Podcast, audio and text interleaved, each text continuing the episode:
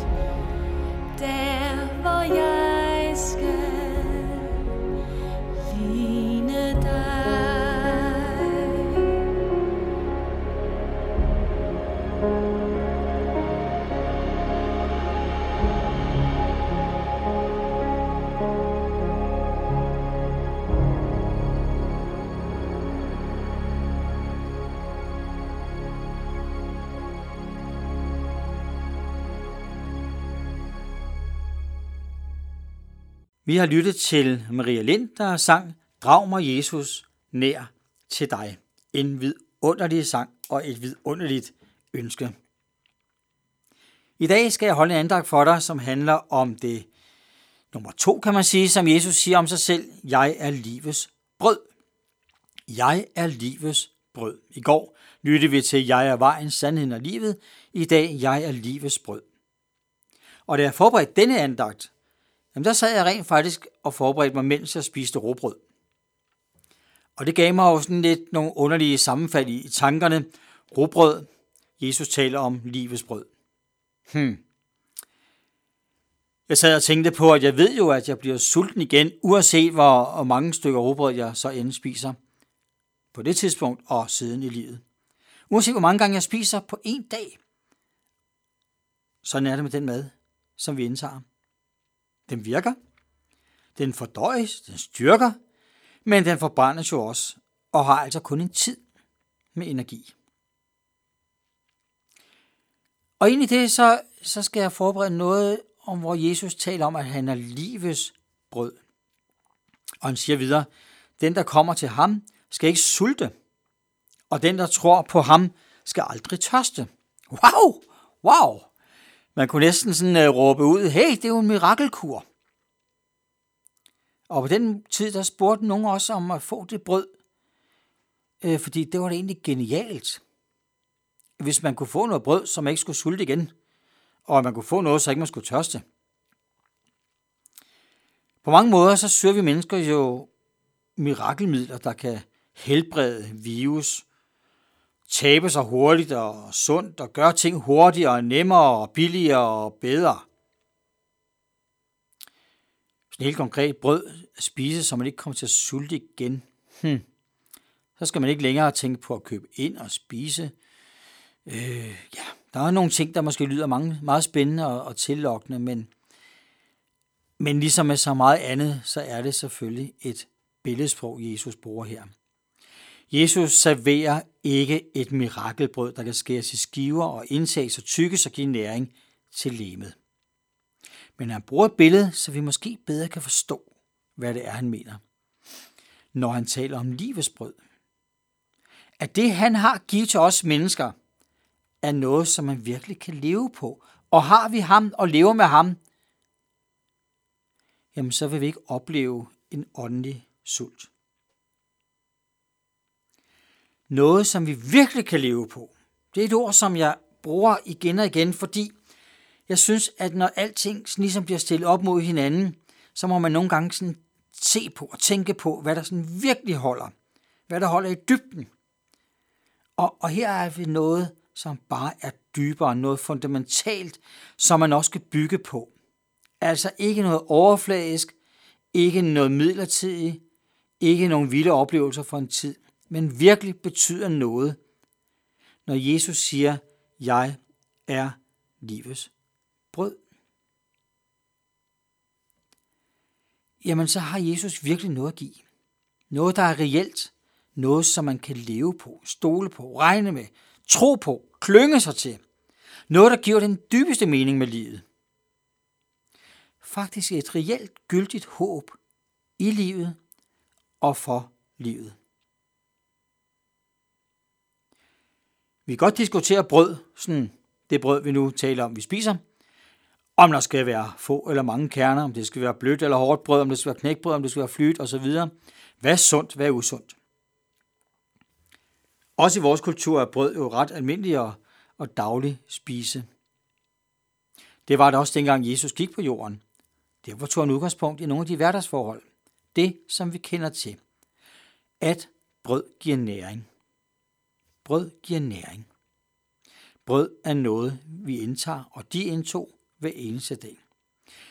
Når Jesus taler om livets brød, så mener han noget, der giver en helt anden form for næring.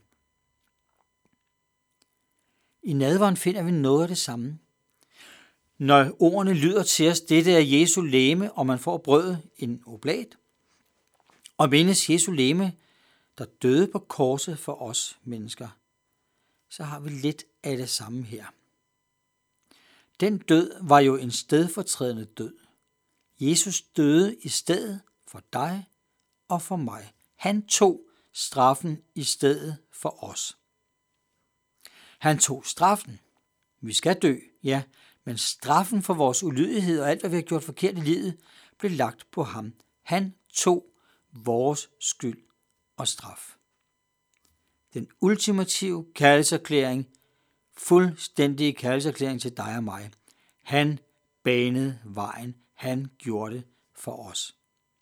Ja, nu vel, det kan lyde lidt indforstået og være svært at rumme, men lad mig bruge nogle andre ord for det samme så. Noget, som jeg kan sige, at jeg har i mit liv, og som giver dækning for mine ord. Jesus kan give dig og mig indhold. Det giver han mig. Han giver mig en mening med livet. Han giver mig et håb. Han giver mig en glæde. Han giver mig en tilgivelse, som ingen anden kan. Jesus giver næring til mit liv. Jesus kan, som Guds søn, give os, dig og mig, noget vi kan leve på, noget vi næres ved, så vi aldrig kommer til at sulte, aldrig kommer til at opleve denne dybe ensomhed, forladthed, afmagt. Det betyder faktisk, at vi aldrig kommer til at mangle noget, altså dybest set. For vi skal fortsat spise fysisk, men i vores sind, ånd, tro, der vil han fylde os med håb og tilgivelse og styrke til livet. Vi synger i en efterårssang, eller salme, vi pløjede og vi såede, hvor sæd i sorten jord. Men i kor, der står der, alle gode gaver, de kommer oven ned. Ja, der har vi det. Fordi Gud giver os, hvad vi dybest set behøver af næring til vores liv. Da israelitterne gik i ørkenen i 40 år, der oplevede de, at Gud hver dag sørgede for dem. De fik ikke roastbeef og tykstegsfilet og så videre den store café morgenbuffet, men de fik alt, hvad de egentlig dybest set trængte til. Gud sørgede for hver dag. Gud ledte dem gennem ørkenen på en måde. Han gav dem livets brød, altså, så de kunne leve hver eneste dag i nærhed med ham, med et håb for øje og med målet for øje. Der er noget, der hedder vidensdeling. Her taler jeg om erfaringsdeling. At Jesus giver nok til livet, og det han giver, det er fuld og rigelig næring til vores liv. Vi skal lytte til Marie Lind. Mit håb står fast.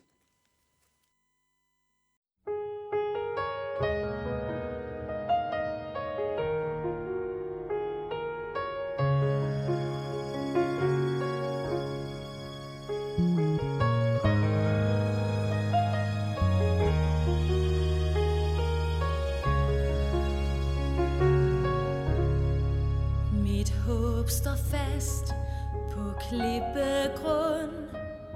Trods synd og død urokkelig